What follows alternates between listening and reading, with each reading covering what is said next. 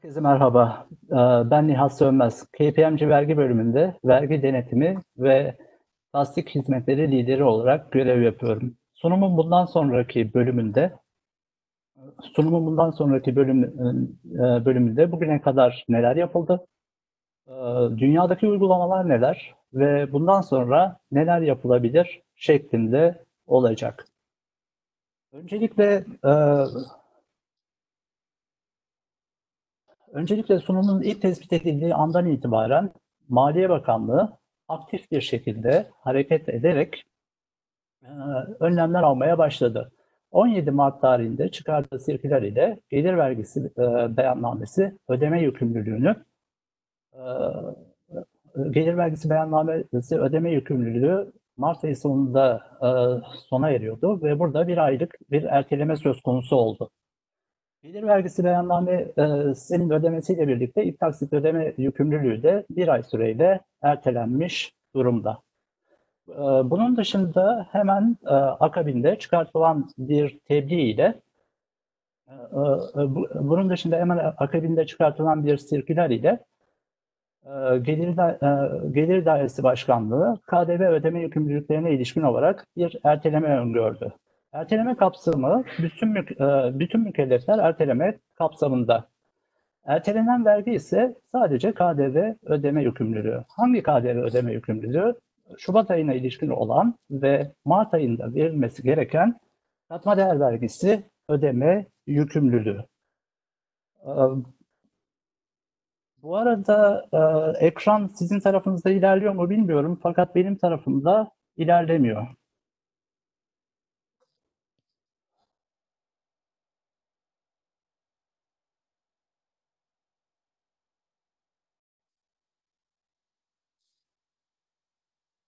Ekranda bir donma yaşıyorum şu anda.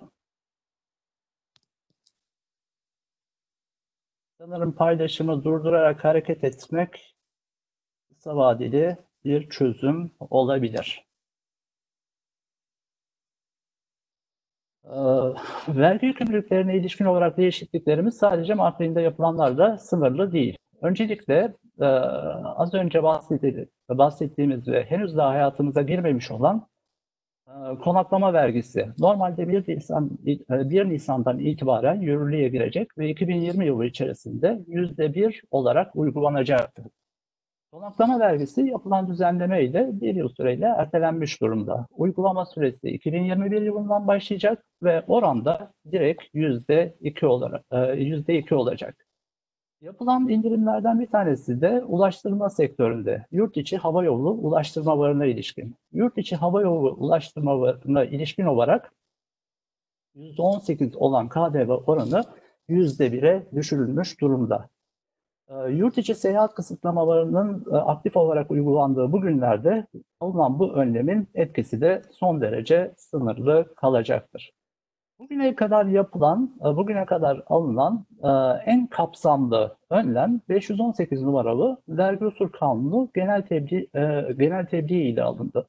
Ve bazı mükelleflerin mücbir sebep kapsamında olduğu kabul edildi. Mücbir sebep nedir dediğiniz zaman ise borçlunun iradesi dışında beklenmedik olaylar olarak en basit anlamda mücbir sebebi tanımlamak mümkün. Maliye Bakanlığı bir kısım mükellefin mücbir sebep olduğu, e, bir mücbir sebep halinde olduğunu kabul etti ve bunun dışında da sokağa çıkma yasağı olanları yine mücbir sebep kapsamında olduğunu yayınladı.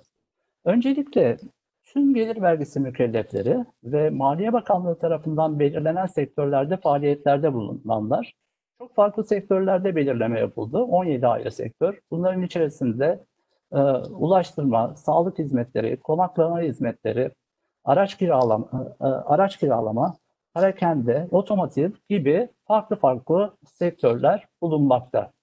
Bunun dışında İçişleri Bakanlığı tarafından faaliyetleri geçici süreyle durdurulan işletmeler var. Bunlar arasında e, spor salonu, berber, kuaför gibi e, işletmeler var. Bunların da 3 ay süreyle mücbir sebep kapsamında olduğu ilan edildi.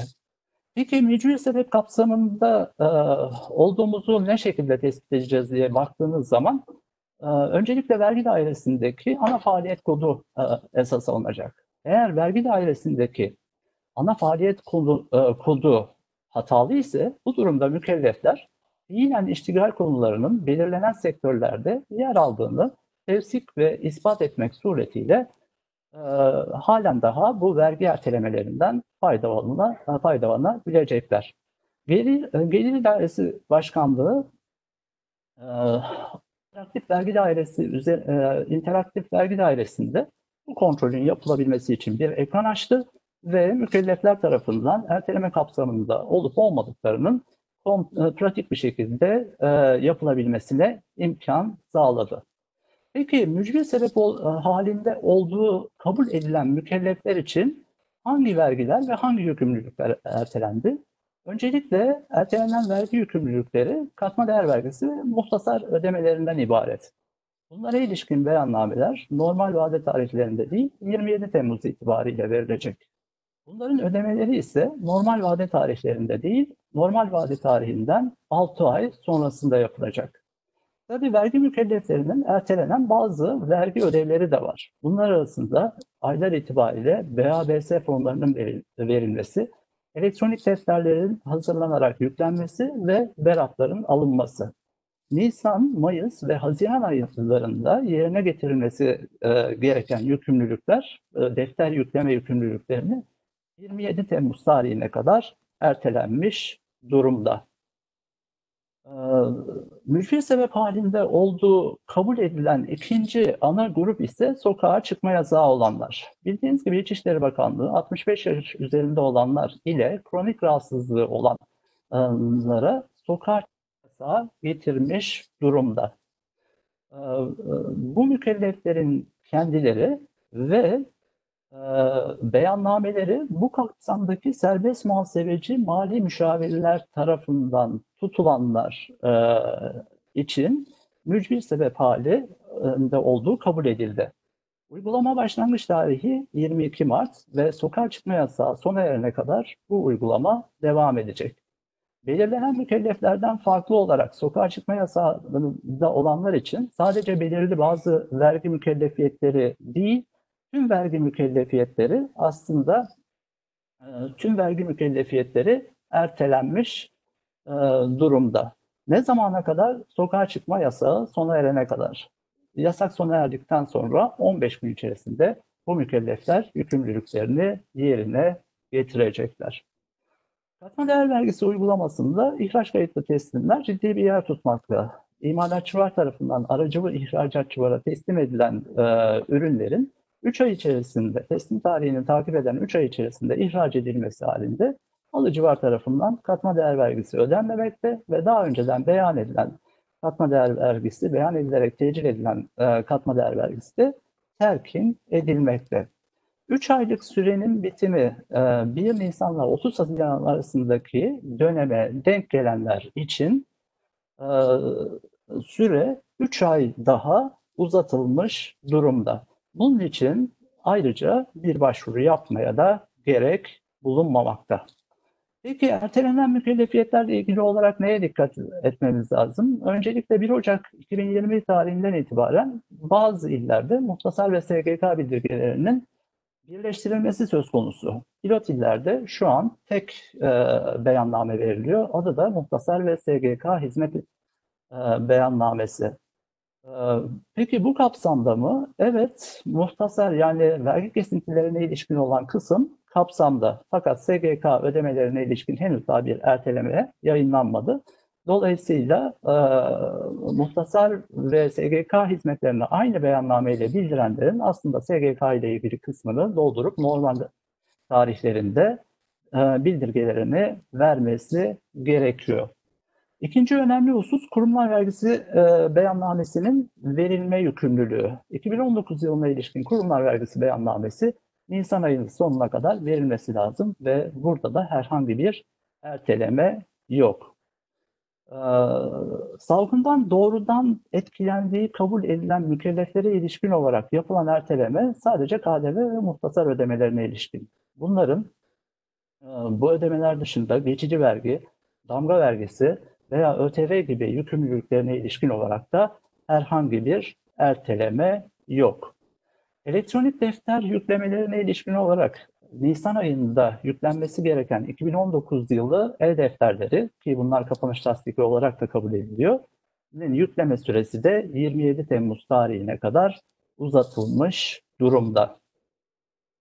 Dikkat etmemiz gereken uygulamalardan biri de KDV'de tevkifat uygulaması. Veli Dersi Başkanlığı tarafından bazı mükelleflerin mücbir sebep halinde olduğu kabul edilmiş durumda. Mücbir sebep aslında kişinin iradesi dışındaki olaylarla bazı vergi yükümlülüklerini yerine getiremeyeceğinin idare tarafından da kabul edilmesidir.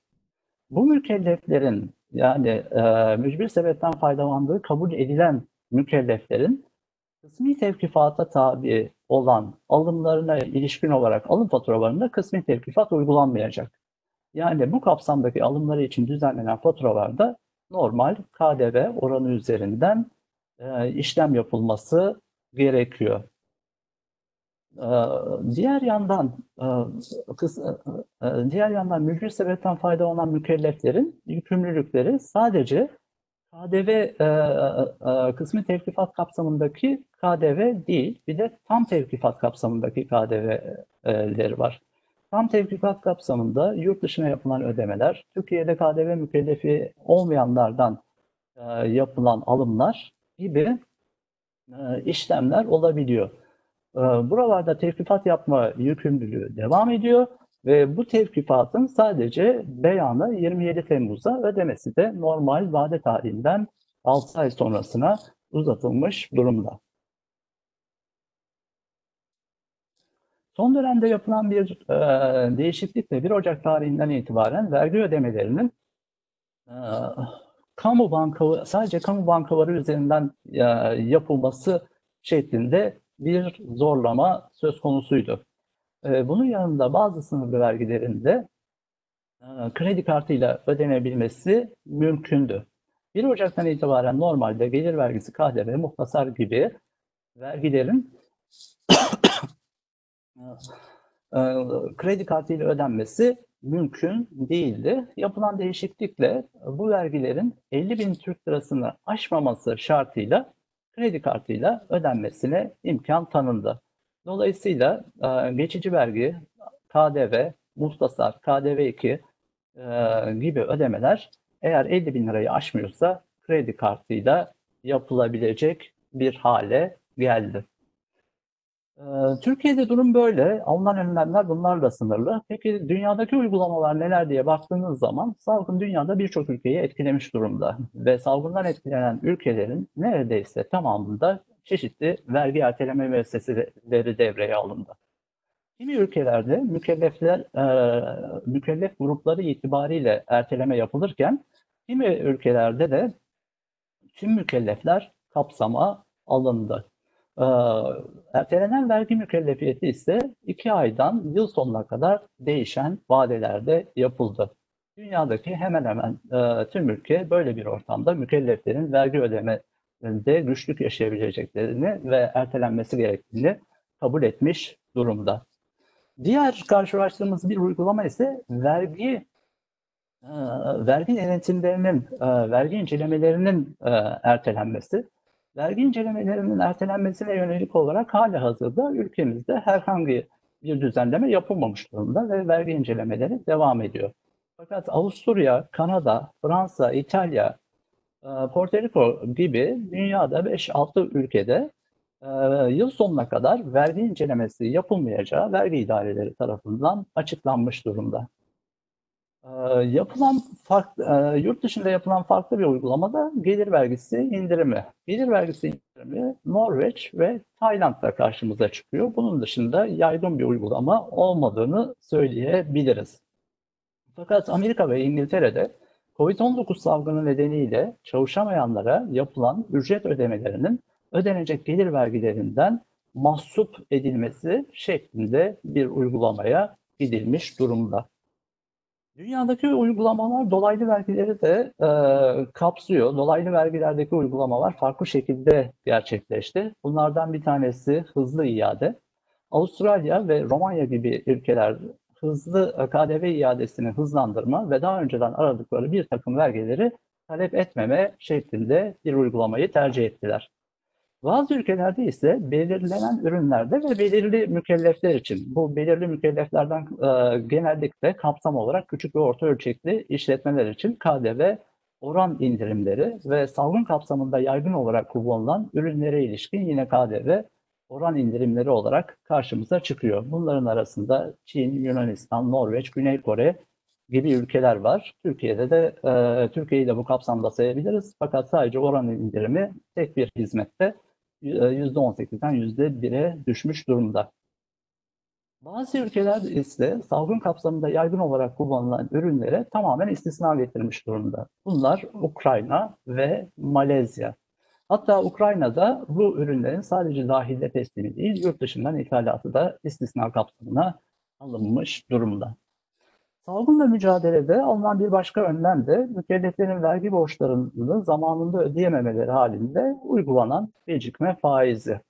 İrlanda ve Hollanda gibi ülkeler bu gecikme faizini yıl sonuna kadar olarak %0.01 seviyesine indirmek suretiyle mükelleflere ciddi bir likidite avantajı sağlamış durumdalar. Şimdi dünyadaki uygulamalar bu şekilde. Türkiye'de bugüne kadar alınan önlemler belli ve bunlar da çok sınırlı. Peki bizim şu anda neye ihtiyacımız var? Buna baktığımız zaman öncelikle yaratıcı ve likiditeyi arttırıcı maliye politikalarına ihtiyacımız var. Bu tip önlemlerin almanın maliyeti de son derece yüksek. Şu an itibariyle hatta bir maliyet hesaplamak bile çok da imkan dahilinde değil. Fakat şöyle bir gerçek var ki e, o da e, e, şöyle bir gerçek var ki o da halihazırda alınan KDV ve muhtasar bazı mükellefler için getirilen KDV ve muhtasar ödemelerinin ertelenmesi veya KDV oranının yüzde yurt içi hava yolu taşımacılığında yüzde bire indirilmesi veya konaklama hiç uygulanmayan konaklama vergisinin e, ertelenmesi gibi tedbirlerle bu durumdan çıkmamız çok da mümkün görünmemekte. İlave tedbirlere ihtiyacımız olduğu e, muhakkak. Ve bu kapsamda salgından doğrudan etkilenen işletmeler değil, e, sadece salgından doğrudan etkilenen işletmeler değil, bu işletmelerin tüm tedarikçileri için de en az 3-4 ay e, boyunca likidite arttırıcı önlemlere ihtiyacımız olduğunu düşünüyoruz. Peki kapsamda neler yapılabilir? Öncelikle mücbir sebep hali sadece belirli grup mükellefler için uygulandı. Bizce bu tüm mükelleflerin mücbir sebep halinde olduğu kabul edilmeli ve en az 3 ay süreyle vergi ödevlerinin ertelenmesine ihtiyacımız olduğunu düşünüyoruz. Bunun yanında vergi incelemeleri e, aynı şekilde devam etmekte. Mükellefler bugünlerde hem müşterileriyle hem satıcılarıyla hem çalışanlarıyla daha önceden hiç tecrübe etmediği çeşit çeşit e, sorunlarla karşı karşıyalar. Ve böyle bir ortamda vergi incelemesi için geçmişe dönük ve bilgi vergi e, hazırlamak da bu süreci daha da güç bir hale getiriyor. Bunun dışında içinde bulunduğumuz ortamda birçok işletmenin alacaklarını tahsilde sıkıntı yaşayacağı muhakkak. Ve e, bu tahsil sıkıntısı e, e, bir yana bir de bunun vergisel etkilerini en azından azal en azından azaltılması gerektiğini düşünüyoruz. Şüpheli alacak karşılığı ayrılabilmesi için bir alacağın dava ve icra safhasında olması gerekiyor. Fakat böyle bir dönemde en azından yıl sonuna kadar ya dava icra safhasının ilişkin şartın kaldırılması ya da ikinci bir yöntem olan dava ve icra safhasına değmeyecek nitelikteki alacaklar için uygulanan yazı ile birkaç defa istenmesine e, rağmen tahsil edilemeyen alacaklara karşılık ayrılması uygulaması aslında yıl sonuna kadar tüm alacaklar için uygulanabilir diye düşünüyoruz. Bunun dışında KDV tabi işlemlerden doğan alacaklar için ödenen KDV'nin indirim yoluyla giderilmesi ancak alacak değersiz alacak haline geldikten sonra mümkün oluyor. Bu aşamaya gelmeden şüpheli hale gelen alacaklar için de karşılık ayrılabilmesi gerektiğini düşünüyoruz. Vergi borçlarında geçmişten beri zaten ciddi bir birikme vardı ve son dönemde yaşadığımız olaylarla birlikte bu da artmış durumda. Burada vergi e, Ee, vergi barışında olduğu gibi bir yeniden yapılandırmaya ihtiyacımız var. Ve buradaki ödemelerin de en erken 2021 yılında başlatılması gerektiğini düşünüyoruz. Az önce Canan Bey'in de belirttiği gibi çalışanların gelirleri üzerinden kesilen gelir vergisi vergi gelirleri içerisinde ciddi bir paya sahip. Ve e, en azından asgari ücret üzerinden alınan ve yıllardır tartışılan verginin ya sıfırlanması ya da belli ölçülerde düşürülmesi gerektiğini düşünüyoruz. Bunu ne şekilde yapabiliriz diye baktığımız zaman en basit yöntem asgari geçim indirimi tavanının asgari ücret üzerinden hesaplanan vergiyle eşitlenmesi suretiyle düşük gelir gruplarında çalışanlara e, bir vergi desteği sağlanması gerektiğini düşünüyoruz. Ayrıca bu dönemde çalışanlarını işten çıkarmayan ve çalışanlarına maaş ödemeye devam eden işletmelerin bu maaşlar üzerinden kestikleri stopajın belli bir kısmının tahakkuktan terkin edilmek suretiyle işverende bırakılması ve likidite desteği sağlanması gerektiği kanaatindeyiz. Yapılacak olan değişiklikler dolaylı vergilerle e, ilgili neler olabilir diye baktığımız zaman ilk akla gelen sağlık hizmetleri.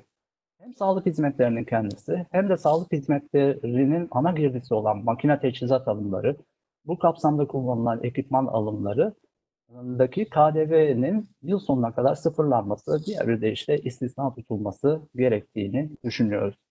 Dezenfektan ve diğer temizleyici maddelerin yaygın kullanımı da dikkate alındığında bunlardaki e, bunlarda da yıl sonuna kadar vergi istisnası getirilmesinin ciddi bir fayda sağlayacağı kanaatindeyiz.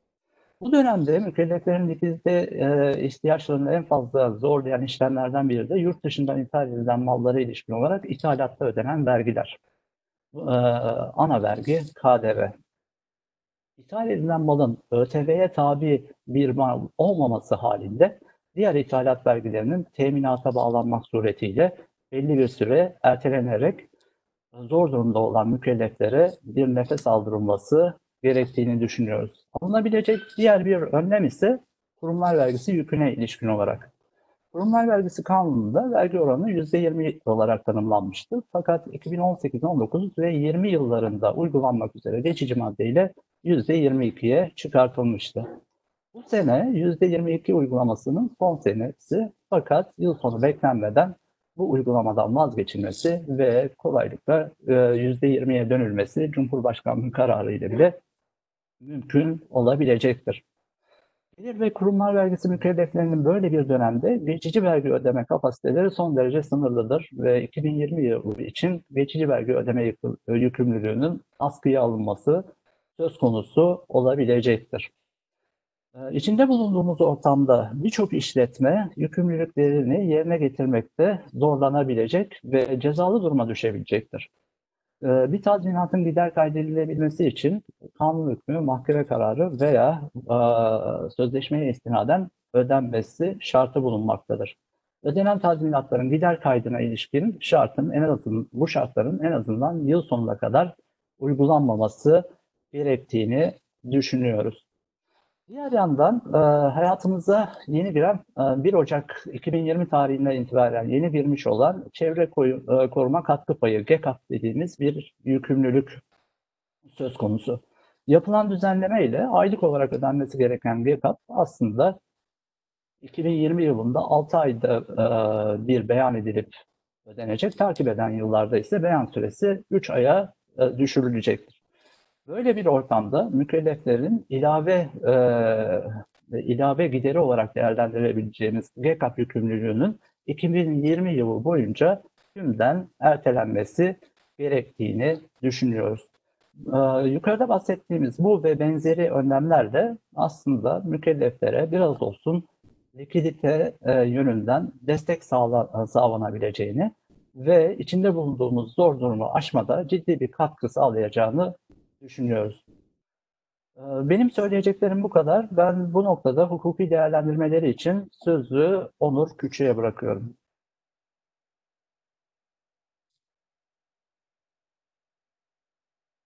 Herkese merhabalar. Evet, sesim geliyordur. Sunumu da e, yansıttım. Size yansıması biraz e, geç olabiliyor. E, bu arada kendimi tanıtayım. Ben avukat Onur Küçük, e, KP Hukuk e, kur, kurucu e, avukatıyım. E, biliyorsunuz e, COVID-19 e, salgını e, Nihat'ın anlattığı gibi e, bir e, etkisi oldu. Hem e, vergi açısından e, hem de hukuki açıdan. Hukuki açıdan çift etkiden bahsedebiliriz. E, birincisi yargı mekanizması etkilendi. E, yargı e, mekanizmasının etkilenmesi sebebiyle çeşitli önlemler alınmak durumunda kaldı. Bir de e, çalışan ilişkileri etkilendi e, doğal olarak ve sonuncusu da sözleşme ilişkileri etkilendi. Sözleşme ilişkilerinde işte mücbir sebep biraz önce Nihat Bey'in bahsettiği gibi e, ticari ilişkilerine ne şekilde uygulanacak sorusu gündeme geldi. E, şimdi birazdan bunlara sırasıyla e, kendi cevap vermeye ve kendi görüşümüzü e, sunmaya çalışacağım. E, öncelikle e, COVID-19 salgının meydana getireceği hak kayıplarını önlemek için e, bir kanun yürürlüğe e, girdi. E, böylelikle yasal süreler 30 Nisan e, 2020 tarihine kadar durdu. E, bu süreler nelerdir diye hızlıca bir e, bakarsak idari yargılama, hukuk yargılaması ve ceza yargılaması yani hem idari davalar hem ticari davalar diyelim medeni hukuktan kaynaklanan davalar da dahil ve e, ceza yargılamalarına ilişkin e, süreler e, 30 Nisan 2020 tarihine kadar e, durduruldu. Bu süre boyunca neler yapılamıyor? İşte icra takibi başlatılamıyor, şikayetlerde itirazla ihtar bildirim, e, ve zaman aşımı süreleri, dava açma süreleri hepsi e, 30 Nisan'a kadar durduruldu. E, yine takip hukukuna yani icra takiplerine ilişkin olarak naf nafaka takip, takipleri hariç olmak üzere e, 30 Nisan'a kadar durduruldu. Yalnız bu, buradaki tek fark bu ikisi arasındaki fark başlangıç tarihleri. E, idari yargılama, hukuk yargılaması ve ceza yargılaması ilişkin e, süreler 13 Mart 2020 tarihinden itibaren durduruldu. Takip hukukuna ilişkin süreler ise 22 Mart 2020 e, tarihinden itibaren durduruldu. Buna dikkat etmek lazım. E, bir hak kaybı olmaması açısından. E, bu arada tabii durduğu an itibariyle sürenin herhangi bir sürenin bitimine 15 gün veya daha az bir süre kalmışsa e, 30 Nisan sonrasında yani 1 Mayıs 2020 tarihinden itibaren bu süreler 15 gün daha uzamış sayılacaktır. Bazı süreler e, kapsam dışında bırakıldı bu kanunlarla. Bunlar genelde ceza hukukuyla ilgili e, süreler. E, suç ve cezalara, kabahatlerin idari yaptırımlarına e, ilişkin, tazik hapisine ilişkin zaman aşımı süreleri, ta, e, tabii ki durdurma, arama, yakalama, tutuklama gibi e, yine koruma tedbirlerine ilişkin süreler kapsam e, dışında. Bir de ceza hukukuyla ilgili olmayan e, ama e, ihtiyati tedbiri tamamlayan işlemlere ilişkin süreler. Burada e, meslektaşlarım tabii ki hemen e, biliyorlar bunun ne olduğunu ama kısa bir şey verelim. Diyelim ki bir şirket başka bir şirket aleyhinde bir dava açmadan önce bir ihtiyati tedbir yani geçici olarak mal varlığına tedbir konması talebinde bulundu ve bu talep mahkeme bu tedbiri verdi. Normalde e, aslında iki hafta içerisinde davayı açmanız lazım ki tedbir ya kalıcı bir süre yani icraya dönüşsün e, ya da ortadan kalksın. E, işte buradaki e, tedbir kararı verildiyse iki hafta içinde dava açma ilişkin süreler durmadı. Yani o davayı eğer bir tedbir kararı aldıysanız dava açmadan önce yine o davayı açmanız gerekiyordu. iki haftalık süre içerisinde aksi takdirde e, 30 Nisan'a kadar bu tedbir kararının devam etmesi gibi e, dava açılan aleyhine olumsuz sonuç doğuracak bir e, durum ortaya çıkardı. O yüzden e, böyle bir şey, bu üç istisna e, dışarısında, dışında e, sürelerimiz durmuş oldu. E, ihtarlar bakımından ne olacak diye sorular geliyordu. Noterler açık olduğu müddetçe ihtar çekmeye devam edilebilir. Yani ihtar çekmeye engel bir durum yok. Herhangi bir şekilde bir bir taraf diğer bir tarafa ihtar çekmeye devam edebilir. Ara buluculuk görüşmeleri devam edebilir mi? Ara buluculukta da süreler durduruldu. E, o yüzden e, tabii başvuru süresinin kısıtlı olduğu haller bakımından hak kaybını önlemek amacına e, yönelik yapılmış başvuruların arabuluculuk görüşmeleri e, telekonferans yoluyla yapılabilmekte, e-imza, mobil imza gibi yöntemlerle bu süreçler halen e, devam edebilmektedir. Yani sürelerin durmuş olması başvuru süresinin kısıtlı olduğu haller e, bakımından hak kaybını önlemek amacıyla e, durdurulmuştur. E, işe iade davaları bakımından e, bu sürelerin ne olacağına dair e, bir durum var. Bu da e, şöyle, normalde biliyorsunuz e, işe sözleşmesi feshedilen işçi fesih bildirimin tebliğ tarihine itibaren bir ay içerisinde işe iade e, talebiyle arabulucuya başvurmak zorundadır. Mevcut durumda hala hazırda başlamış olan arabuluculuk süreçte, süreçleri sonunda dava açmak isteyen işçi durmanın bittiği tarih yani 30 Nisan'dan itibaren iki hafta içerisinde e, dava açabilecektir. E, şu an itibariyle tabii 1 Mayıs e, daha doğru bir şey 1 Mayıs'tan itibaren 15 gün içerisinde davasını açabilecektir. Şimdi tahkim sürecine etkileri nelerdir? E, tabii tahkim mahkeme yargılamasına e, alternatiftir. E, tahkime ilişkin e, açık bir e, tedbir alınmamıştır. E, bu sebeple tahkim yargılama sürenin durduğuna dair genel bir e, yorum yapamıyoruz. E, hak kayıplarına sebep olmamak için hakem heyetinden bir durdurma veya erteleme kararı olmadıkça sürelere riayet etmek gerekir. Ee, yani burada sürenin durması için hakem heyetine başvurup bir durdurma veya erteleme kararı talep etmekte e, fayda olacağını düşünüyoruz. E, tahkimin dijital olarak yürütülmesi olanağı ve tahkim sürecinin esnek olabilmesi sebebiyle yargılamanın taraflar ve hakem heyetinin anlaşmaları doğrultusunda devam etmesi de söz konusu olabilir. Çünkü e, uzaktan e, yön, telekonferans yöntemiyle de e, tahkim yapılabiliyor. Taraflar anlaşarak bu e, yöntemlerle ilerlemeye devam edebilirler. E, sonuçlanan e, tahkim e, süreçleri bakımında yani bir karar çıkmış artık bu kararın uygulamasına e, geçilecek. Tabi icra işlemleri durdurulduğu için e, 1 Mayıs sonrasını e, beklemek gerekecektir e, bu durumda. Yeni başlayacak tahkim yargılamaları açısından ise e, tahkim kurumlarının e, COVID-19 salgını karşı aldığı tedbirler göz önünde bulundurulmalıdır. Bazı e, kurumlar e, bu süreçte çalışmalarını durdurdular, bazıları e, işte askıya aldılar, e, bazıları devam edebiliyor. O yüzden e, hangi e, kurum, tahkim kurumu nezdinde başlatılacaksa onun e, uygulamasına e, dikkat etmek, riayet etmek e, gerekecektir. E, İcra takipleri ne kadar süreli olacak? 30 Nisan'a kadar tüm icra ve iflas takipleri durmuş sayılacaktır. E, dosyada daha önce yapılmış e, işlemler geçerliliğini koruyacak. Bu noktada bir yanlış anlaşılma olmasın. Yani hacizler kalkmıyor, takipler ortadan kalkmıyor. Daha önce yapılmış olan işlemler aynen e, muhafaza ediliyor. Yani süreç donuyor diye düşünebiliriz e, burada.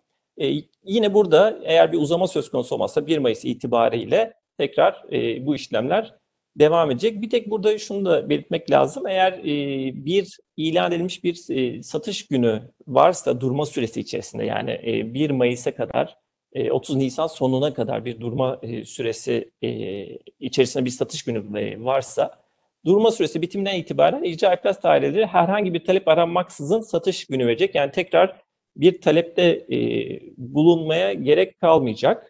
E, nafaka borcuna ilişkin bir e, maaş hacizi söz konusuysa burada süreler işliyor. E, nafakayı e, istisna tuttuğunu e, buradaki kanunun e, yukarıda belirtmiştik. E, yine şirketin maaştan kesinti yapması ve ilgili daireye bildirim ve ödeme yükümlülüğü devam eder. E, diğer borçlar için ise tüm icra takipleri ve işlemler durduğunda süreler durmuş olacaktır. E, 22 Mart 2020 e, tarihinden önce tebliğ alınmış kesinleşmiş ve ödeme yapılmış maaş hacizi ve haciz ihbarnameleri bakımından 22 Mart 2020'den sonra bir ödeme yapılması gerekiyorsa bu ödemeye de devam edilmesi e, gerektiği e, görüşündeyiz ve bu tutarların da icra adaletlerinin hesabına yatırılmalıdır. Çünkü e, bu durma sürecinde yapılan ödemeleri e, ödemeler icra adaleti tarafından kabul edileceğinden maaş hacizi dolayısıyla çalışanın maaşından kesinti yapmak şirket anlamında hukuki şirket tarafında hukuki anlamda bir risk e, yaratmayacaktır. İflas ve konkordato süreci hakkındaki etkilerine de e, bir hızlıca e, bakarsak bu süre içerisinde yine iflas tasfiyesine ilişkin işlemler yapılmayacaktır. Yani alacaklar toplantısı olacak, satış işlemleri yapılmayacak. E, konkordato, da, konkordato süresinde de aynı şekilde alacaklar toplanmayacak, oy kullanması işlemleri yapılmayacak. Yani burada da bir e, yargılama sürecinde bir donmadan, e, durmadan bahsetmek mümkün.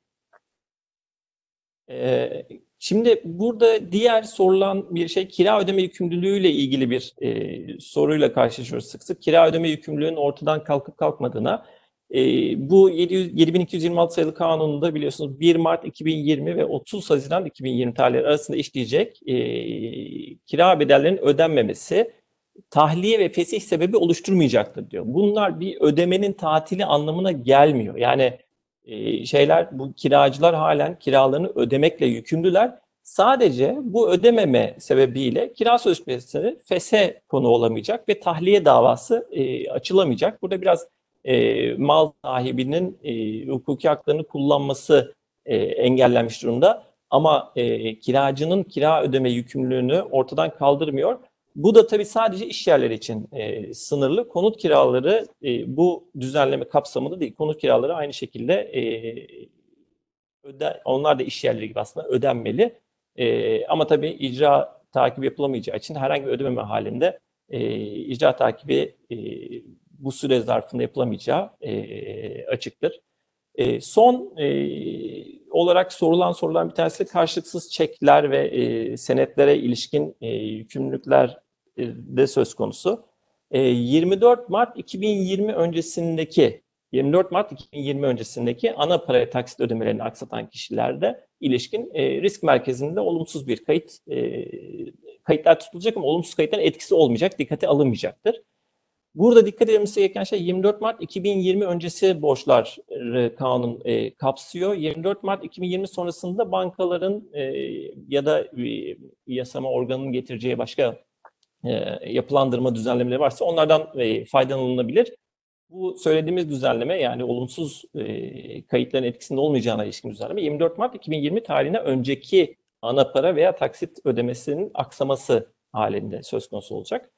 E, keşide tarihi gelen çeklerin bankaya ibrazı devam ediyor. Ödenmeyen çekler için e, yazılma işlemi de yapılıyor. Sadece 1 Mayıs 2020 tarihine kadar yani icra takipleri e, ertelendiği için bunlar icra takibine konu olamıyor. Ve icra takipleri ile ilgili e, son e, slaydımızda bu, buna ilişkin ceza e, infazlarına e, getirildi. E, karşılıksız çek keşili etme suçundan mahkum olan suçların 24 Mart 2020 tarihine kadar işlenmiş olan e, suçlardan mahkum olan suçların cezasının infazı durduruldu ve borçları ödemedikleri çek miktarı için taksitle ödeme yapma e, yükümlülüğü getirildi. Ödemelerin yapılması halinde mahkumiyet tüm sonuçlarıyla ortadan kalkacak. Bunlar yasal sürelere e, ilişkin e, kanunla getirilen e, düzenlemeler. E, şu anda bunlar yürürlükteler. E, bu düzenlemeleri getirerek aslında e, bir nevi e, yargılama sisteminde bir e, ara bir dönem e, yaratıldı tarafların zarar görmeyeceği e, şekilde e, bir durduruldu. Bu da tabii doğaldır. Hani insan temasıyla salgının e, yayılmasını engellemek e, için alınan önlemlerden dolayı tarafların e, bir mahrumiyet, bir, bir hak kaybı, bir mahrumiyet yaşamaması e, sebebiyle alınmış önlemlerdir. Şimdi e, işin e, teknik e, tarafından sonra biraz da işçi işveren ilişkilerine e, bakmak lazım. Keza en çok sorulan, e, en çok gündeme getirilen konulardan e, bir tanesi haklı olarak e, toplumun tamamını ilgilendirmesi e, bakımından. Burada daha çok e, düzenlemeler, mevcut düzenlemeler ışığında bize sorulan sorulara verdiğimiz cevaplarla ilerlemek e, istiyoruz. Ee, ilk sorumuz e, şu iş yerinin kamu otoritesine vereceği idari bir karar ile geçici olarak kapatılması halinde işveren işçinin iş sözleşmesi feshedebilir mi? Yani bir sokağa çıkma yasağı ya da belli bir bölgede e, kısmi de olabilir. E, böyle bir e, valiliğin, e, bakanlığın vesaire bir kamu otoritesinin e, geçici olarak kapatma kararı vermesi halinde iş sözleşmesi feshedilebilir mi? Şimdi mevcut iş kanunumuza bakarsak bununla, bu tip durumlara ilişkin özel bir düzenleme gelmediği sürece e, mevcut düzende işverenin e, işçiye bir hafta boyunca yarım ücret ödemek e, gibi bir yükümlülüğü var. Fakat bu bir haftalık sürenin sonunda işveren evet e, haklı nedene dayanarak e, işçinin sözleşmesini feshedebilir. E, bu durumda e, işçi kıdem tazminatına hak kazanacaktır. Yalnız ihbar tazminatı e, alamayacaktır. Yani iş yerinin kamu otoritesine vereceği idari bir karar ile geçici olarak kapatılması halinde işveren ilk bir haftayı için e, yarım günlük, e, her gün için yarım ücret diyerek e, ödedikten sonra haklı sebeple feshedecek, kıdem tazminatını ödemek zorunda, ihbar tazminatını ödemek zorunda değil. Tabii aynı sorunun işçi tarafından e, sorulduğu hali de var. Yani işçi e, bu durumda iş sözleşmesini feshedebilecek mi? E, buradaki cevap da e, esasen aynı. E, evet, e, yarım hafta yani bir hafta boyunca yarım ücreti e, alacak ve ondan sonra işçi de kıdem tazminatına hak kazanarak e, sözleşmesini feshetme hakkına sahiptir.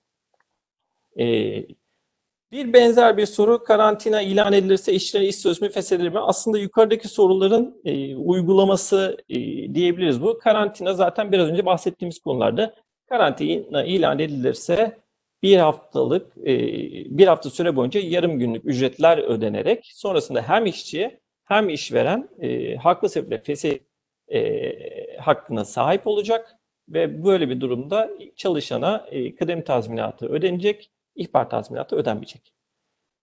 Şimdi işçinin koronavirüse yakalanması halinde işveren işçinin iş hakkını feshedebilir mi? Yani e, bir çalışanımızın e, hastalığa yakalanmış olması halinde, salgın bir hastalığa yakalanmış olması halinde e, fesih, işverenin fesih hakkı var mıdır? Bu durum zaten kanunumuzda düzenlenmiştir.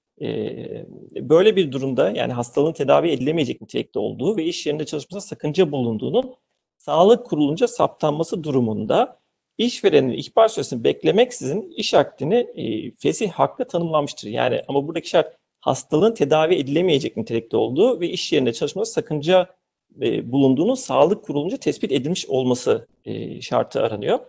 Bulaşıcı niteliği sebebiyle e, koronavirüs taşıyan bir işçinin iş yerinde çalışmasının sakıncalı olduğu aşikardır.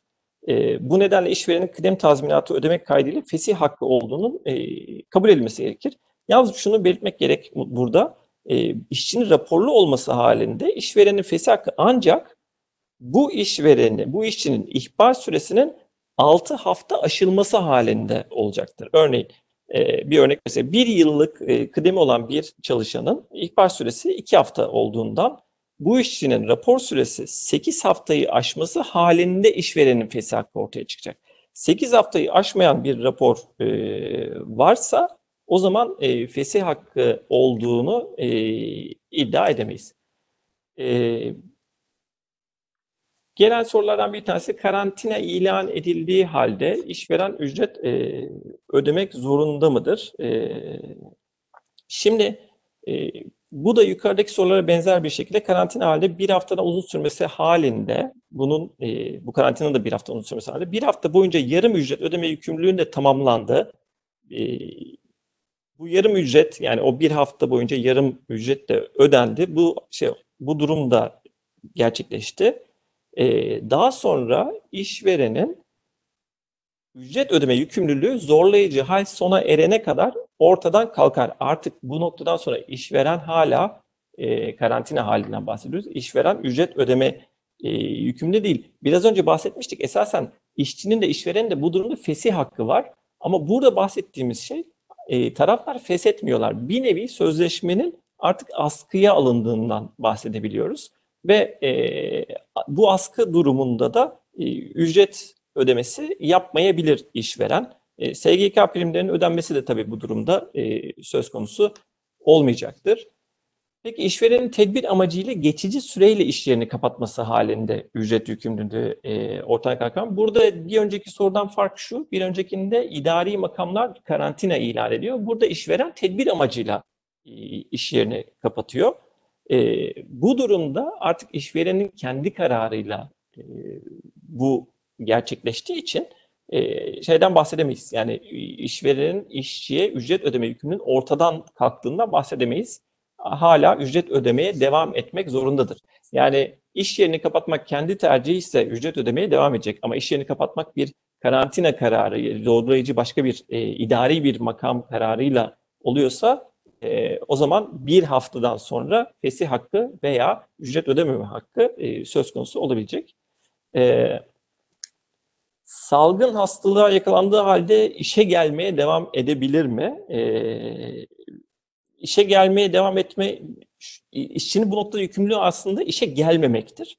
işe gelmeye devam etmekte ısrarcı olması halinde iş akdi işveren tarafından haklı nedenle feshedilebilir. Yani e, sonuçta böyle bir insanın böyle hastalığa yakalanmış kişinin başka çalışanları da e, hasta edebileceğinden bahisle artık e, işveren haklı bir sebeple sözleşmeyi feshedebilir. Peki işveren işçi evden çalışmaya zorlayabilir mi? Şimdi e, bu, bu, bu da kritik bir konu. E, şöyle iş yerinin işverenin iş yerinde değişiklik yapma hakkı sözleşmede saklı tutulmuşsa eğer evet işveren e, çalışanı evden çalışmaya zorlayabilir. Ama bu hak e, bu değişiklik hakkı e, şeye verilmemişse, işverene verilmemişse işveren evden çalışmaya zorlayamaz. Yani bu, bu konuda bir e, telkinde bulunamaz. E, peki işçi işverenden evden çalışmayı talep edebilir mi? Hayır. E, işçi de böyle bir e, talepte bulunamaz. E, işvereni evden çalışmak için e, zorlayamaz. Eğer işveren e, işe gelinmesini talep ediyorsa ve ortada e, bir idari bir makam kararı da yoksa e, işçi e, çalışan işe gelmek diye devam etmek zorunda.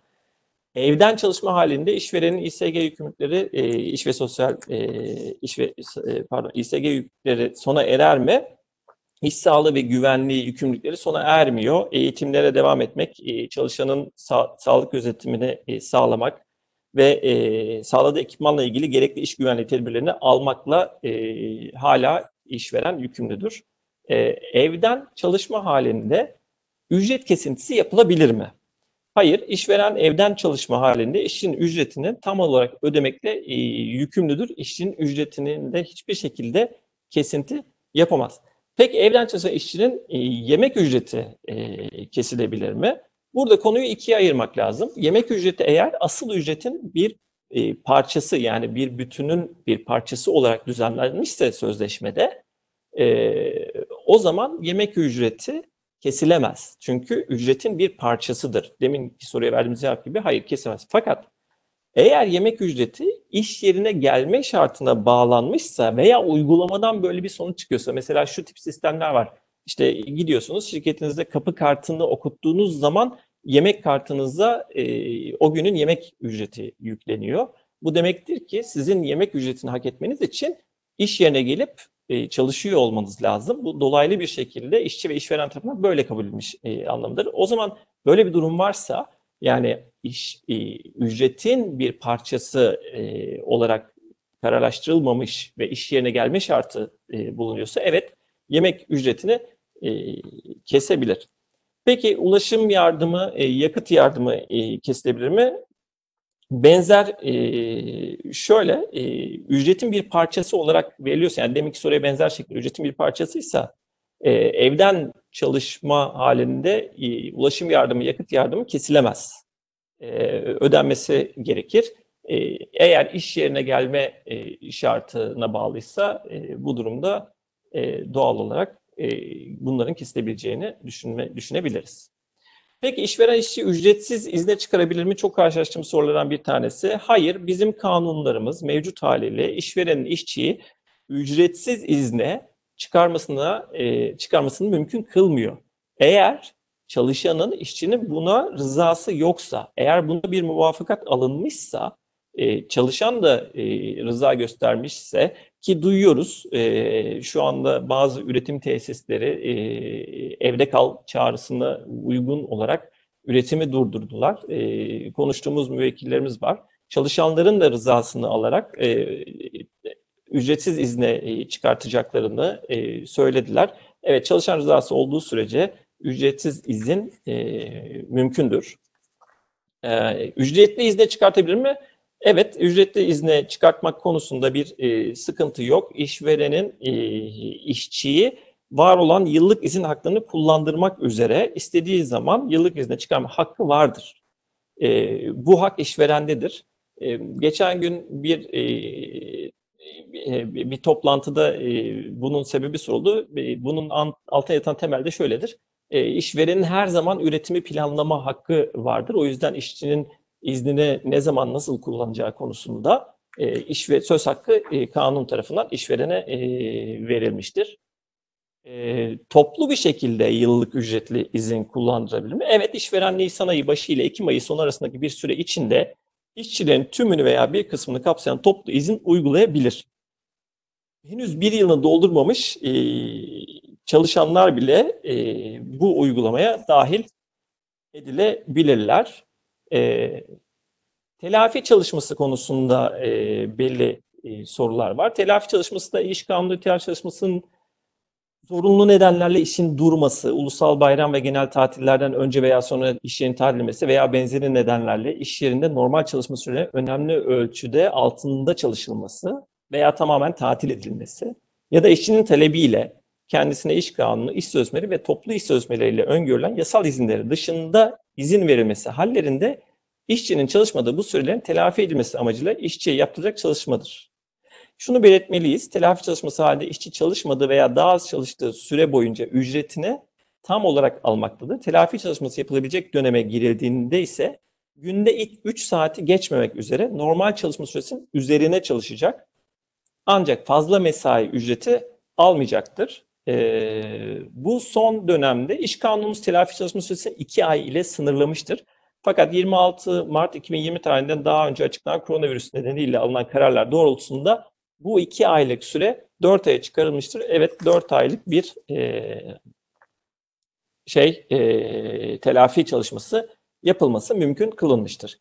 E, işçilerin çalışma süresi ve ücreti azaltılabilir mi? E, şöyle de işçilerin çalışma süresi ve ücreti e,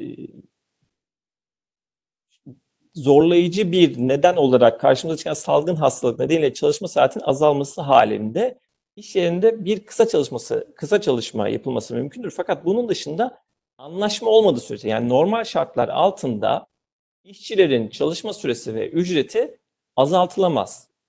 Eğer taraflar arasında bir anlaşma yoksa. Bunun bir istisnası yapıldı. E, buna ilişkin bir düzenleme yapıldı. O da kısa çalışmaya ilişkin bir düzenleme yapıldı.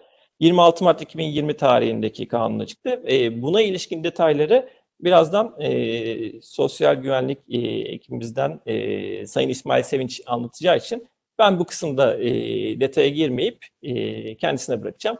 Benim değinmek istediğim son bir konu da sözleşmelerdeki ihfa güçlüğü ve e, mücbir sebep. O da şu şekilde.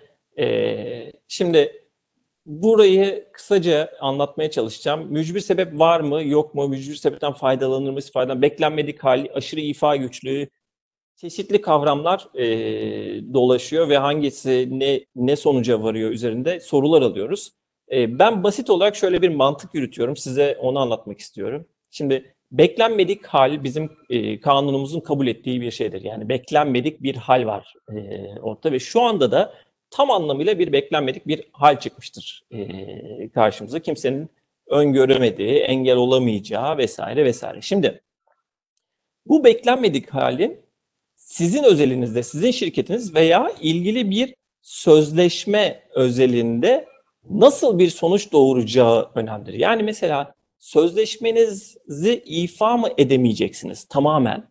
Mesela tamamen ifa edemek artık bir mücbir sebep e, demektir tamamen ifa edemeyeceğim ama belki de e, kısmen ifa edebileceksiniz ya da ifanız sadece geçici bir süre ertelenecek. O zaman e, burada bir ifa güçlüğünden bahsedebiliriz. E, ama eninde sonunda bir ifa gerçekleşecek. O yüzden bir erteleme, yükümlülüklerin ertelemesi e, söz konusu olabilecek. Mücbir sebepte ise ifanın hiçbir şekilde mümkün olmaması lazım. Şimdi uygulamada hep mücbir sebepten bahsediyoruz. Covid-19 mücbir sebep midir e, vesaire. Aslında fark, farkındaysanız Covid-19 sebebiyle e, yükümlülüklerin ortadan kaldırılması değil, belki biraz teknik olacak ama vergiye ilişkin düzenlemelerde bile yükümlülüklerin bir ortadan kaldırılması, yükümlülüklerin e, ertelenmesi, geciktirilmesi, buna ilişkin bir düzenleme yapılmasından e, bahsediyoruz. Yani burada beklenmedik hale uyumlu bir davranış görüyoruz. Ama bazı hallerde evet e, gerçekten sözleşmenin e, mücbir sebep dolayısıyla hiçbir şekilde ifası mümkün olmayabilecektir. İşte o ifanın mümkün olmadığı hallerde mücbir sebepten e, bahsetmek gerekecektir. Mücbir sebebin sözleşmede, bir sözleşmede düzenlenmiş olup olmamasına ilişkin çok soru geliyor. Hayır, mücbir sebebin bir sözleşmede düzenlenmemiş olması, bir sözleşmede mücbir sebeple bir atıf yapılmamış e, bir madde bulunmaması, mücbir sebepten faydalanılamayacağı, yani aşırı ifa güçlüğü iddia edilemeyeceği, mücbir sebep iddia edilemeyeceği sonucunu doğurmaz. E, yine de bundan faydalanabilirsiniz.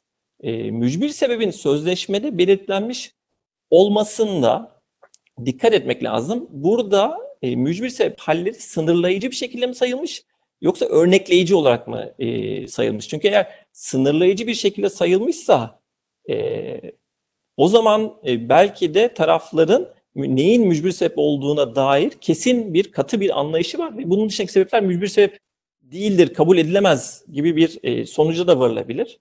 E, o yüzden e, her koşulda şeye dikkat etmek lazım. E, nasıl düzenlemeler e, yapıldığına dikkat etmek lazım. E, her sözleşmeye de özel bakmak gerekiyor e, mutlaka.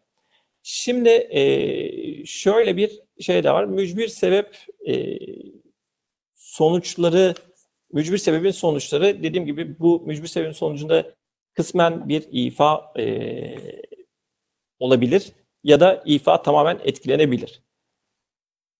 Covid-19 mücbir sebep midir?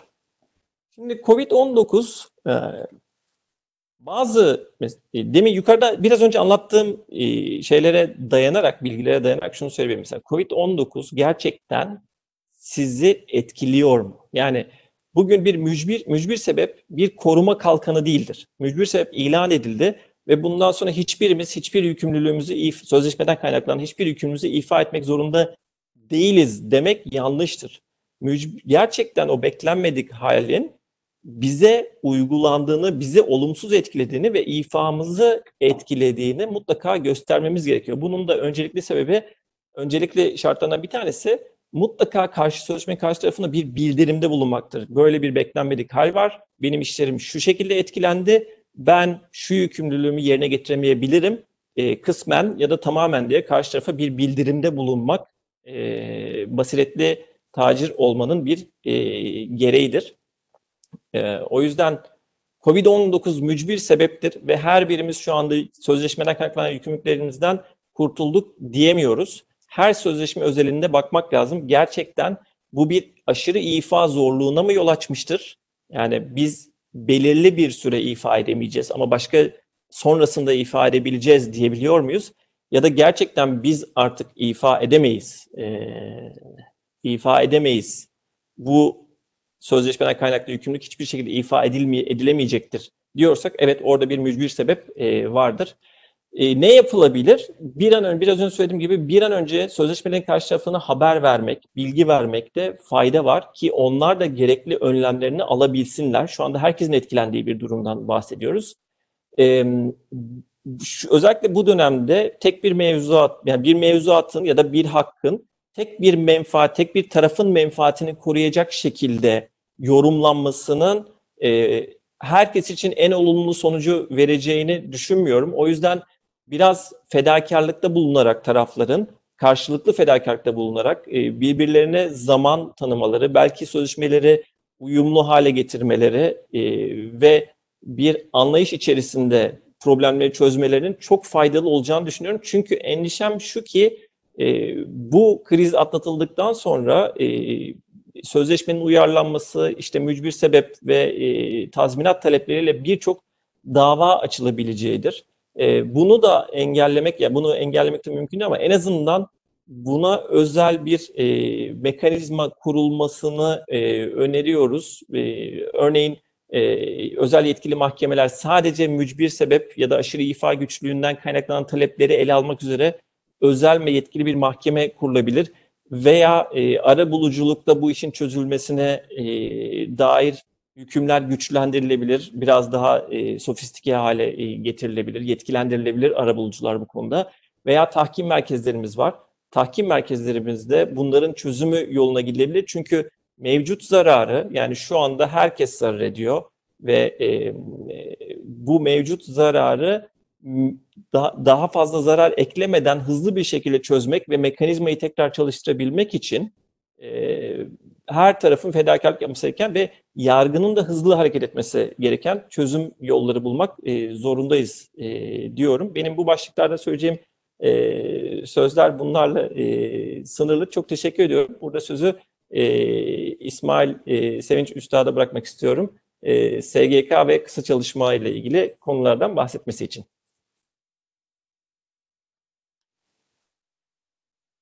Çok teşekkür ederim Onur Bey. Ee, Çok değerli bilgiler verdiniz gerçekten. Ee, Sıkça sorulan sorulardı bunlar. Bir saniye. Öncelikle herkese merhabalar. Ee, Ben Sosyal Güvenlik Hizmetleri Direktörü İsmail Sevinç. Ee, Öncelikle sağlıklı günler diliyorum. Hepimizin etkilendiği şu günlerde. Aynı zamanda da umarız biraz bir an önce geçer de bol kazançlı günlere dönüşür. Şimdi tabii koronavirüs gelince aslında daha önce hiç gündemde olmayan konular da gündeme geldi. Yani bu konular neydi? Ee, temelde kısa çalışma ödeneğiydi. Çokça sorulan. Tabii kısa çalışma ödeneğini biz iki sene önce hiç bahsetmiyorduk. Niye bahsetmiyorduk? Çünkü böyle bir ödeneğe ihtiyaç olmadığı düşünülüyordu. Böyle bir ödenek işkur, işsizlik priminden e, prim kesintisi oluyordu fakat ödeme yapılamıyordu. Tabii burada e, temel sebep şuydu ihtiyaç yoktu. Yani şöyle söyleyeyim ben 2016 yılında sadece birkaç işveren başvurmuştu bu ödeneğe. Geldik bu global bir e, dünyada global ekonomik bir sarsıntı oldu. Bunun Türkiye'ye etkileri oldu. O zaman gündeme geldi.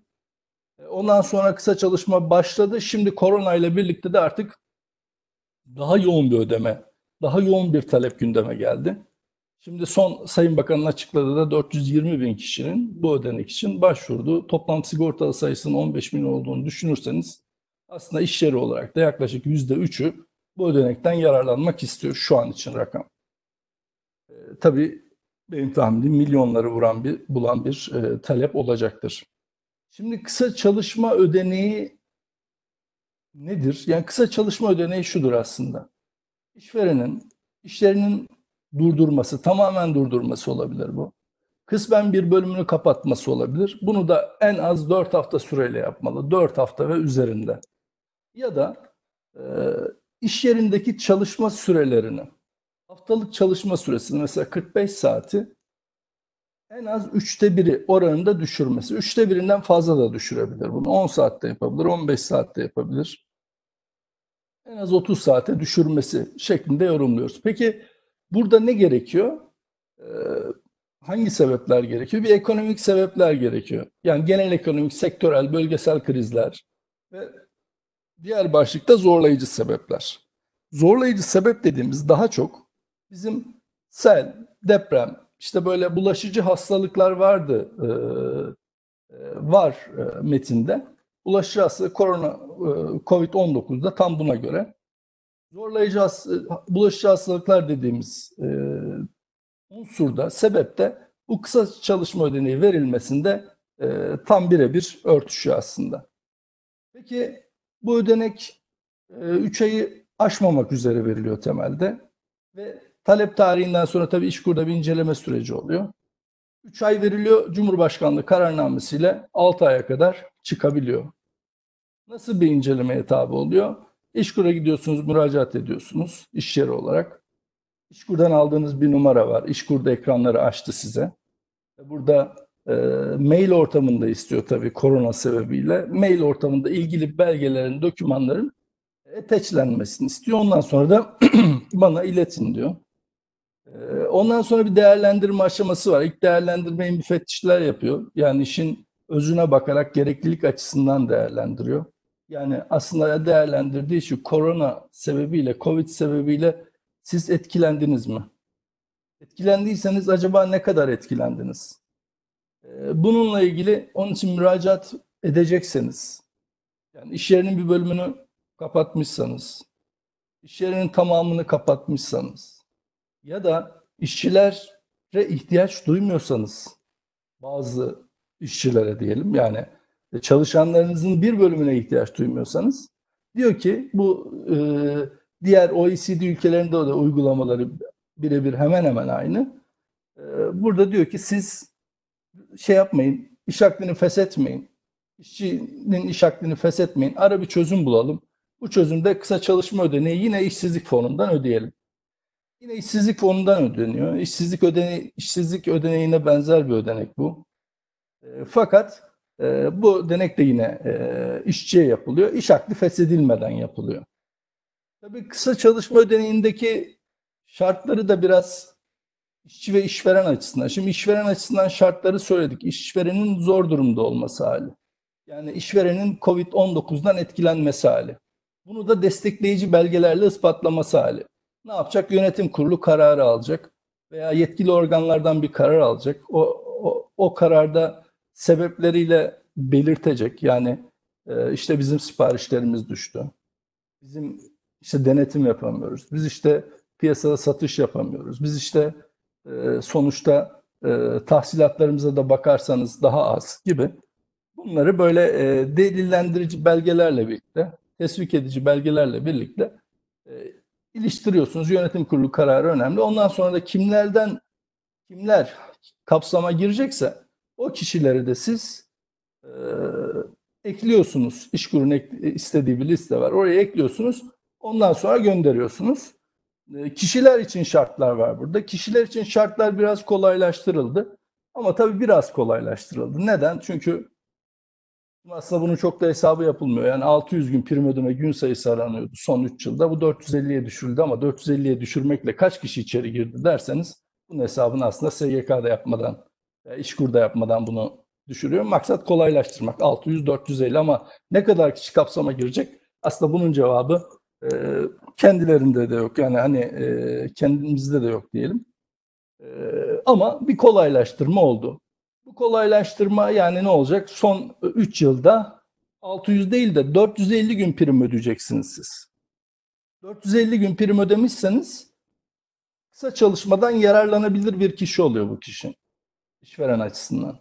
Yine 120 gün deva 120 gün hizmet akdi devam edecekti. Kesintisiz oldu. Olması gerekiyor hizmet akdinin 120 gün. Bunu da 60 güne düşürüldü. Bu da. Yani 60 gün hizmet akdinin devam etmesi yeterli oluyor. Yani arada bir boşluk olursa bir iş yerinden çıktı diğerine geçti. Arada bir gün boşluk var. Bunu da son 60 gün içinde yaptı maalesef. Yani e, bir iş yerinden çıktı diğerine girdi arada boşluk yok. Olur. Yani son 60 gün hizmet akdi devam ediyor olmalı. Hizmet akdi. İzinler vesaire burada önemli değil. Hizmet akdinin devam etmesi önemli. Ee, burada da sigortalı açısından temel şart bu.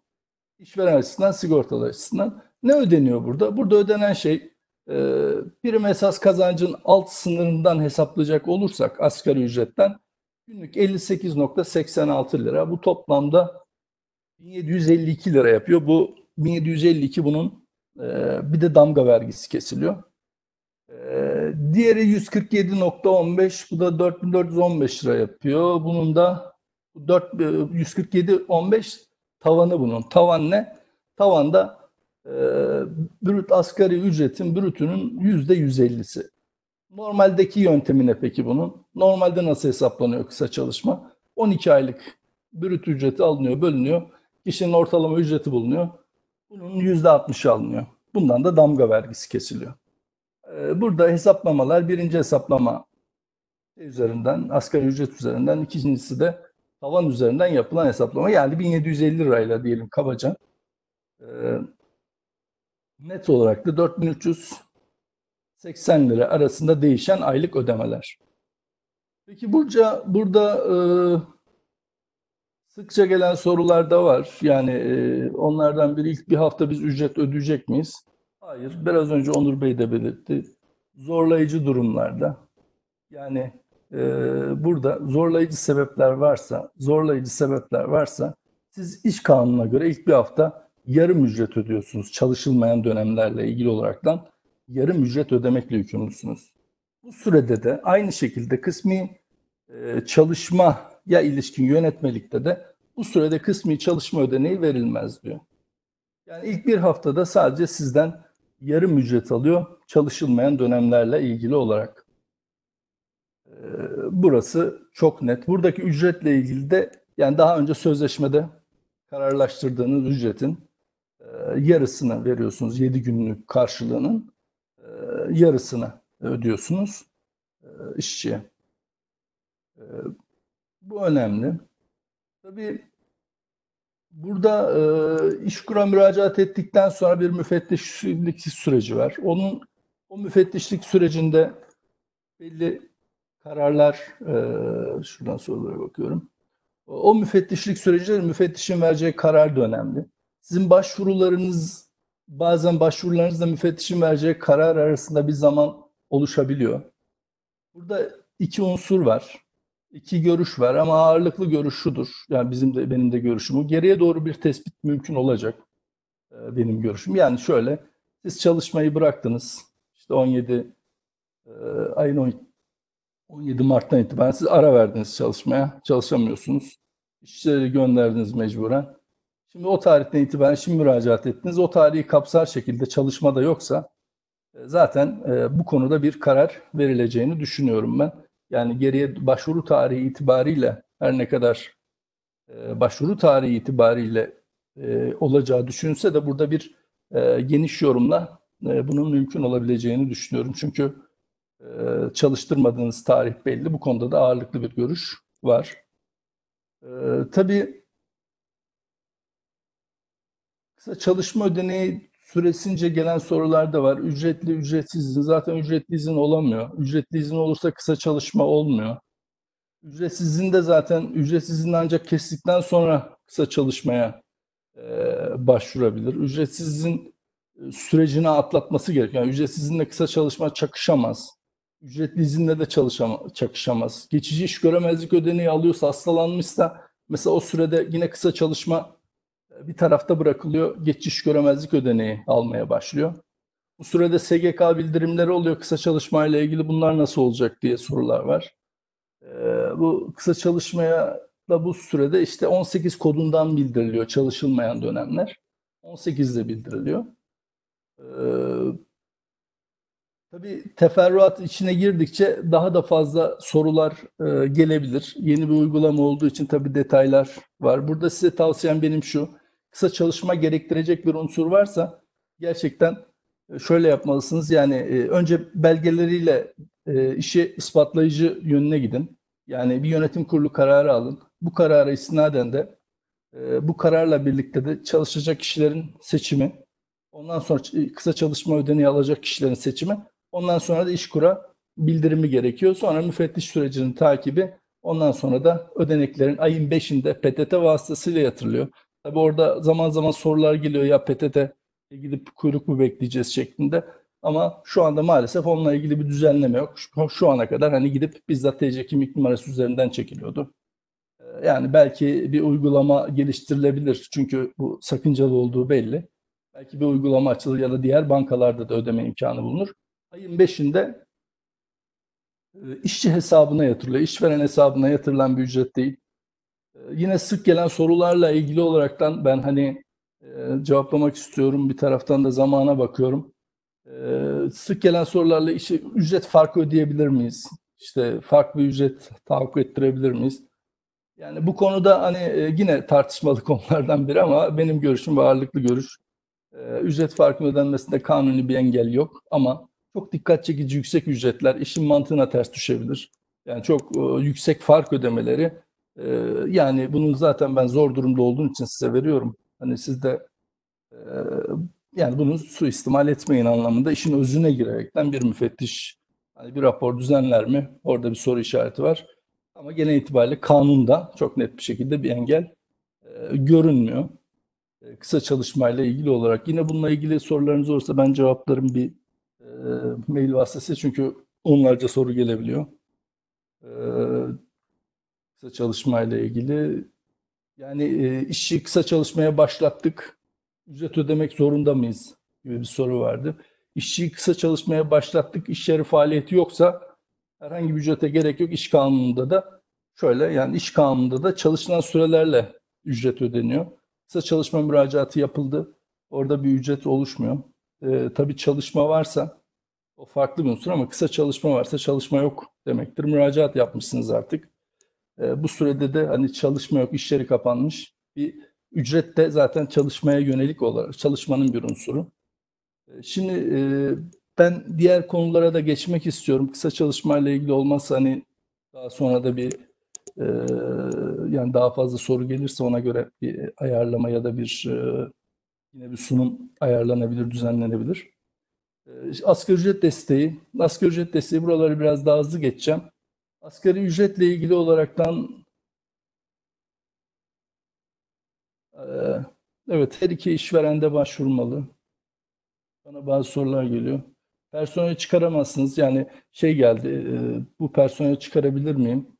E, şöyle, e, maalesef engel var. Maalesef derken aslında istihdamı korumak için bu. E, personeli sadece 25'e 2'ye göre çıkarabiliyorsunuz. Bu 25'e 2 de şu demek, yani e, ahlak ahlaki davranışı işçinin ve iyi niyet dışındaki davranışı sebebiyle işverene fesih hakkı var.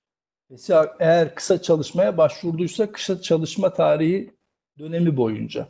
Yani kısa çalışma dönemi boyunca siz sadece bu gerekçelerle kısa çalışmaya başvurmuşsanız ve kısa çalışmanız kabul edilmişse bu gerekçelerle işçiyi çıkartabilirsiniz. Yani ahlak yönüyle bir tespitiniz varsa ya da iyi niyet kurallarına aykırı davranışını çok net tespit ediyorsanız bunun haricinde çıkış yaparsanız o kısa çalışma ödeneği maalesef ödenmez. Ödendiyse de geriye alınabilir.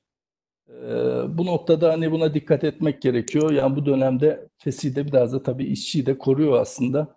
Ee, e, doğru bir e, düzenleme e, diyebiliriz. Ama kısa çalışmaya başvurmayacaksınız ya da önce ya da sonrasında fesihler varsa bunların yapılmasında herhangi bir sakınca yok. Süreci 60 gün olarak belirlemiş İşkur. Evet, kısa çalışma ödeneğine tabi olmayanlar da çıkarılamaz. Yani bir soru daha geldi. Kısa çalışma ödeneğine tabi olmayanlar da çıkarılamaz. Yani bu dönemde o iş yeriyle, o şirketle ilgili olarak işler çıkarılamaz. Sadece onlar değil yani kısa çalışmaya tabi olsun olmasın. Genel anlamda çıkarılamaz. Bu gerekçeler dışında, 25'e 2 dışında. Kısa çalışmadan yok. İşveren faydalanamıyor, işveren dolaylı faydalanıyor. Sorulara cevap veriyorum, kusura bakmayın. Ee, kısa çalışmadan işveren faydalanamıyor, işçi faydalanıyor, dolaylı olarak yararlanıyor. Ee, şimdi e, asgari ücret desteğine geldiğimiz zaman da burada arkadaşlar geçen yıla göre maalesef biraz düştü asgari ücret desteğimiz. 75 liraya düştü. 150 ve 100 TL'yi de hatırlıyorsunuz. Bu 500 lira üzerindeyse kişi sayısı, çalışan sayısı bu e, 100 liraydı. 500'ün altında çalışanı varsa bir iş yerinde SGK iş numarası, iş yeri numarası olarak onlara da 150 TL'ydi. Bu %50 oranında evet, ekranı takip etmekte zorlandığım bir soru daha geldi. Ee, şeyse yani e, 150 liraydı 500 liranın altında. Şimdi 75'e düştü. Bu biraz azaldı. Bu kimle ilgili? 128 TL olarak 128 TL günlük. Yani ayda 3800 küsür liraya geliyor. Bu brüt ücretin altındakilere verilen bir destek. Üstündekilere verilmiyor. Ee, ama toplu iş sözleşmesiyle bu 256'yı buluyor. Yani yaklaşık 7500'ün üzerine çıkıyor. 7500 brüt ve altındakilere aylık 75 lira asgari ücret desteği var bir yıl boyunca. Bu e, toplu iş sözleşmeleriyle ilgili. E, ama normalde normal bir iş yeriyseniz toplu iş sözleşmesi yoksa 128 lira yani 3900 lirayı altındakilere verilen bir destek bu. E, bundan da hani biraz düştü bu. Yani bunun e, hani bu seneki gelir kalemlerinizde biraz daha bu azalacağı benziyor. E, Ücretsizin sağlık sigortası. Evet bu kapsamda bazı değişiklikler hani ücretsizin de sağlık sigortası ne olur? Ee, sağlık sigortanız çok hızlı cevap veriyorum. Ee, e, evet ücretsizin de şey devam ediyor. Sağlık sigortasında bir sıkıntı yok. Ücretsizin de bu süreler dahil. Yurt dışında 14 gün karantina süresi var. Bu sürede rapor alırsanız geçici iş göremezlik ödeneğini alabilirsiniz. Pasaportlarınızla müracaat halindeyiz. Ee, yine rapor veriyorlar size. Evde çalışmayla ilgili bir iki hüküm geldi. Bunlara geçiyorum. Birim borçlarının ertelenmesi maalesef başlangıçta Nihat Bey de belirtti. Henüz SGK tarafından bir açıklama yapılmadı ama açıklama sabah akşam bekliyoruz ama bir açıklama yok. 6'şer ay erteleneceğine ilişkin. Kısmi iş çalışma sürelerinin GSS primlerini tamamlama zorunluluğu. Evet burada bir e, eskiden biliyorsunuz e, 20 gün ve altındakileri, 10 gün üzerindekileri kısmi çalışılanlar sürelerin GSS priminin tamamlanması gerekiyordu. Bu 8 gün ve altına düştü. Burada bir kolaylaştırma var. Bayram ikramiyesi çok aslında belki konunuz değil ama iki taksitle ödeniyor. Bu sene Nisan'da ödenecek. Normalde bayramın olduğu ay ödenecek. Yine emek, emekli ikramiyeleri ve promosyonlarıyla ilgili bazı düzenlemeler yapıldı. 1000-1500 TL. Beyannameyi bekliyoruz ama maalesef şu anda henüz bir net bir açıklama olmadığı için de eski usullere verilmeye devam ediyor. Nihat Bey de bu konuda açıklama yaptı. SGK bildirimleriyle ilgili de hani normal rutin devam ediyor. Yani e, muhtasar ertelense de SGK henüz açıklamadığı için açıklamayı beklese, bekliyoruz. SGK açıklamadığı için de SGK normal kurallara tabi ilerliyor. Ee, daha başka sorularınız olursa her zaman beklerim. Ben teşekkür ediyorum. Çok sağ olun.